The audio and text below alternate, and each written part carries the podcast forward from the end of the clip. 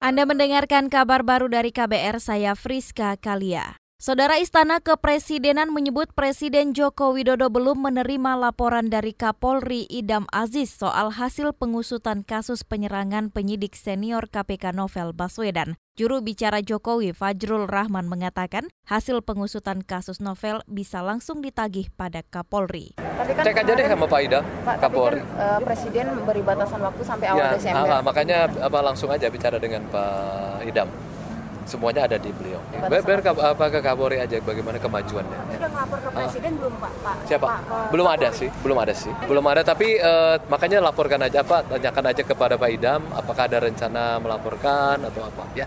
Fajrul berkata belum sempat berkoordinasi dengan Idam Aziz untuk membicarakan hasil pengusutan kasus novel. Ia juga mengaku tak tahu rencana Jokowi ke depan jika Idam gagal menuntaskan kasus novel.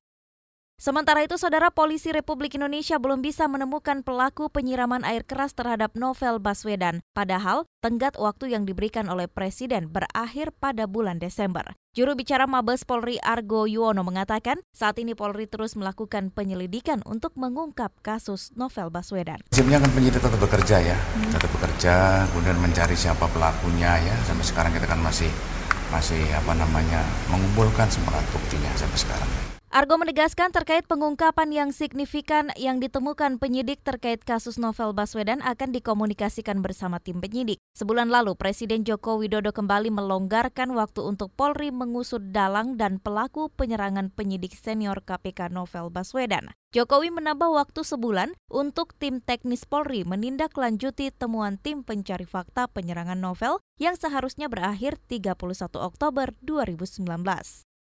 Kita beralih ke informasi lain, sebanyak enam terduga teroris ditangkap di Bima dan Sumbawa Barat Provinsi NTB. Penangkapan dilakukan oleh Densus 88 Anti Teror yang dibantu oleh Polda NTB pada Sabtu lalu. Mereka diketahui terafiliasi dengan Jamaah Ansarud Daulah atau JAD. Kepala Kepolisian Daerah NTB Nana Sujana mengatakan, pasca tertangkapnya enam terduga teroris ini, Polda NTB menyatakan kondisi keamanan di wilayahnya siaga satu. Meski demikian, hingga kini situasi keamanan di Provinsi NTB dinyatakan kondusif. Ya selama ini bahwa mereka memang apa kelompok ini ter, terafiliasi dari kelompok JAD, Jamaah Ansarud Daulah Eh, dalam hal ini kan kami berupaya untuk ini terus membina, memberikan apa namanya eh, pemahaman-pemahaman kepada masyarakat supaya tidak terhasut terkait dengan masalah upaya-upaya yang mengarah kepada teror itu kan. Saudara Nana Sujana meminta kepada tokoh agama dan tokoh masyarakat di NTB untuk ikut berperan mengawasi dan mencegah paham-paham yang dilarang oleh negara beredar. Apalagi berdasarkan pemantauan Polda NTB, diketahui masih ada kelompok atau perorangan yang melakukan latihan semi militer.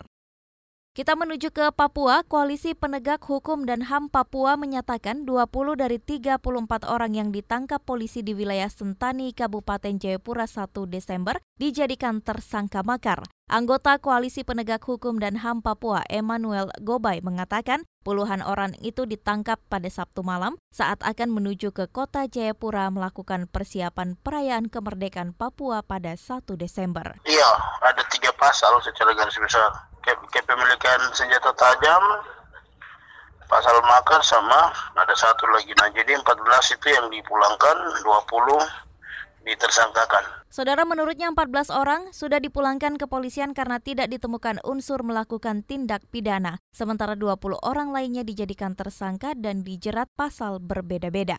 Demikian kabar baru dari KBR saya Friska Kalia